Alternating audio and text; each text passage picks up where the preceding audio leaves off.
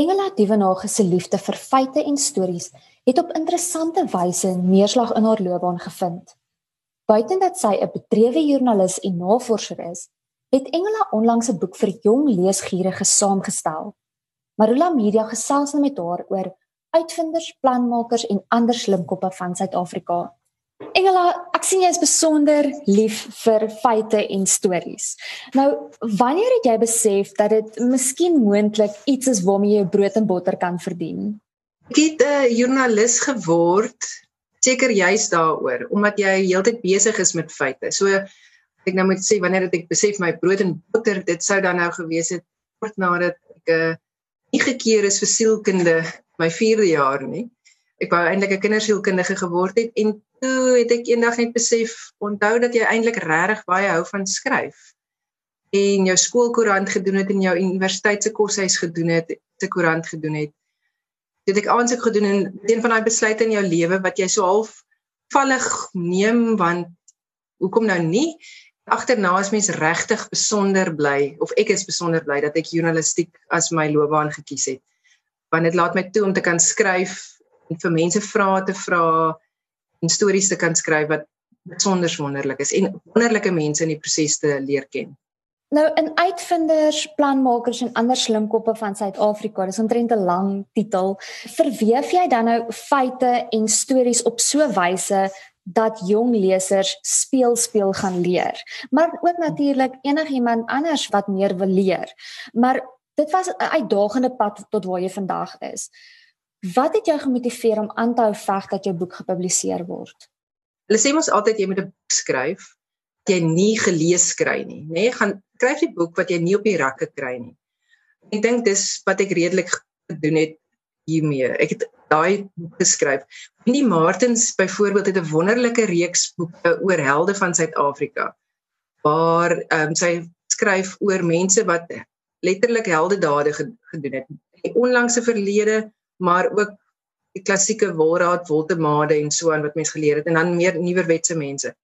Ek wou so tipe skryf oor mense met wie ek daagliks 'n pad mee stap en mee werk. Want ek het geweet daar is nie so iets nie.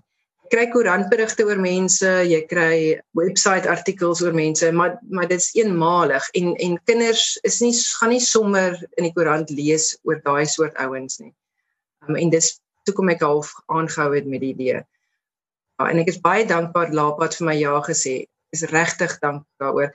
'n Soortgelyke boeke oor internasionale wetenskaplikes en oor internasionale uitvinders, maar nie oor Suid-Afrikaners nie. Ek het dit vir Lapa gestuur nadat twee ander uitgewers al vir my nee gesê het. En toe Lapa het dit vir Lapa gestuur en die volgende dag het nie die plesier vir my laat weet as hy wil graag die boek hê en dit was regtig net soos uiteindelik sê iemand ja. Dit was wonderlik want sy het gesê dis wat dis wat mense kort. Jy kort nie nog 'n boek oor internasionale mense nie. So die boek is in Afrikaans is 'n geweldige waardevolle boek en dit maak dit so maklik om na te slaan. Jy het nie nodig om eers Google raad te raadpleeg nie want dit is in jou taal en is maklik toeganklik vir wye verskeidenheid lesers. Ja, dis wat ek dis wat ek hoor die terugvoer daarop is meer as waarop ek kon gehoop het. Dis wat mense sê, ek weet al van kinders wat mondelinge gepraat het uit die boek uit. Een juffrou by ons plaaslike skool Anja P sy sy het 'n graad 3 klas en hulle doen altyd wat hulle noem vreemde feite. En sy het nou hierdie klop paar weke het sy vir haar klas voorgeles uit die uit. Graad 3 volgens my is 'n jong 'n jong ouderdom vir die boek. Maar omdat sy voorlees kan interpreteer vir haar kinders, maak dit nog hulle verskil. En so het elkeen van die kinders 'n storie gekies en hulle het hulle eie vreemde feite kom vertel en die wonderlikste mondelinge daar uitgepaat wat vir my lieflik was. Ek het stories byvoorbeeld ook so geskryf dat 'n kind skooltaak, daar's genoeg inligting daarin dat 'n kind 'n skooltaak skryf daarin. Wanneer is die man gebore of die vrou gebore?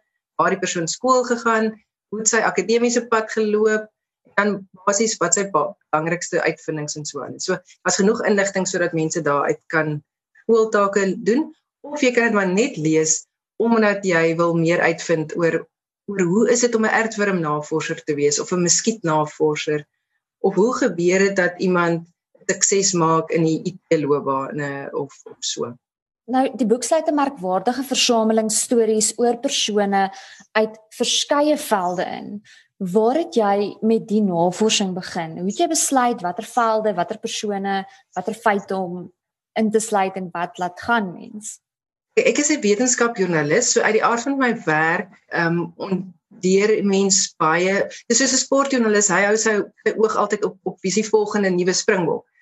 Nou in die aard van my werk, doen mens maar net jou radar as my ingestel op wie se ouens wat die ontdekkings maak, wie is die mense wat 'n nuwe spesies ontdek het. So, die aard van my werk het ek baie mense van bewus gewees. Ek self met baie van hulle onderhoude reeds gevoer voordat ek die boek geskryf het. Dan het vriende van my toe hulle nou begin hoor ek begin nou die aan die boek werk het hulle vir my voorstelle gemaak. Vriendin Lillebi het byvoorbeeld voorgestel ek moet oor die Bonsmara lees wat in Suid-Afrika ontwikkel is skryf. En my vriend Els, vriendin Elsabie het vir my die wonderlike storie vertel van Winston Wickham. Hy is die broer van Randall Wickham die sanger. En hy het die eerste passie ek nou maar sê ontwerp waarin jy 'n hart wat geoes word sê maar in Port Elizabeth aan voer tot in opstad sonder dat die hart spite van die feit dat die tyd verloop en sonder dat daai hart um, nie meer beskikbaar is vir oorplanting nie. Ehm um, so mense het vir my stories gebring wat wonderlik is. Google is ook fantasties. Ek besluit op 'n sekere hoeveelheid kategorieë, daar's ruimte, um, mense wat in die ruimte en die lugvaart werk, mense in die geologie, mense mediese veld uit die aard daarvan, dinosaurus en fossielkenners, En is daar 'n afdeling van mense wat oor water en die klimaat en so aan werk. En dan ook mense in die algemeen, algemene uitvinders. Mense wat op een of ander ehm um, van Epie Crowley en die Palati wat gewoonlik as jy mos gewoonlik 'n lys van Suid-Afrikaanse uitvindings Google dan sou so standaard punt. En dan het ek ook punt daarvan gemaak om nuwe mense in te trek. Ons kan nie altyd net ons wees op Palati en so nie, wat mens moet wees op ons wees, maar daar het ook baie nuwe uitvindings bygekom oor die jare. So dis 'n kombinasie van Google, myself, my vriende en kennisse wat vir my inligting gegee het. Nou natuurlik Engela gaan elke persoon se verhaal het iets wat interessant is of wat inspirerend is en natuurlik het hulle 'n groot bydrae gelewer maar is daar 'n persoon wat jy dalk kan uitsonder wat 'n besondere bydrae in jou lewe gelewer het wat die grootste invloed op jou gehad het ek kan nie een uitsonder nie want van die dinge wat my die meeste indruk altyd van enige mens is iemand wat met passie en met doelgerigtheid hulle ding doen.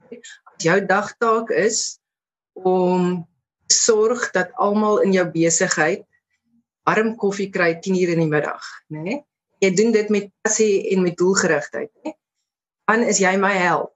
So voel ek oor elke persoon in hierdie boek. Hulle het hulle breinkrag gebruik, hulle het hulle vindingrykheid gebruik, het aangehou en hulle deursettingsvermoë om is om 'n plan van punt A tot punt B te kry. Dit is soos om my ma seker te vra om te kies tussen haar gunsteling kinders, dis unfair. Dis 'n hele feit dat daai daai mense met passie en met ja, uithou vermoë, hulle doen hulle spesifieke ding.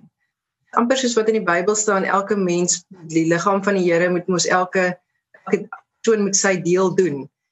En elkeen van hierdie mense dra maak 'n bydrae sodat die res van die wêreld beter kan wees al is dit 'n klein dingetjie.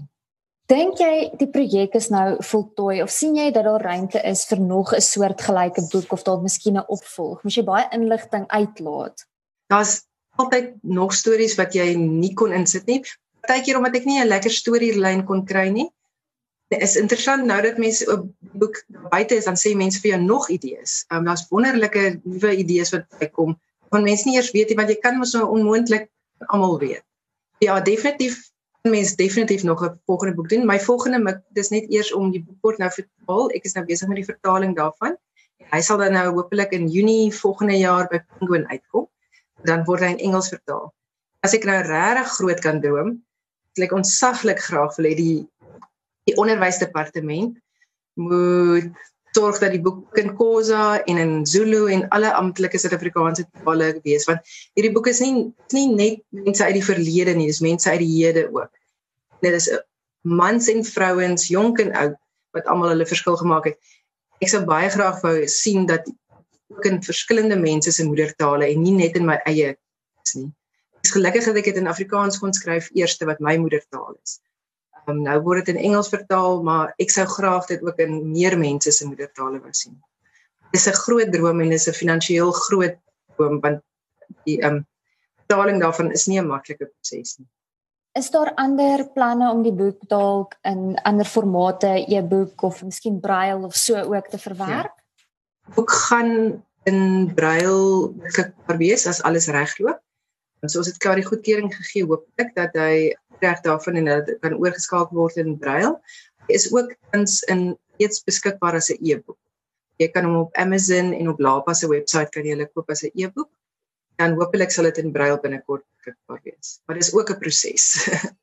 Waaroor ek ook opgewonde is is dat jong lesers en mense nie 'n verskoning het om nie die boek te koop nie want hy's so beskikbaar op die oomblik aanlyn platforms en in boekwinkels. So ek hoop pragtig dat mense die boek sal ondersteun.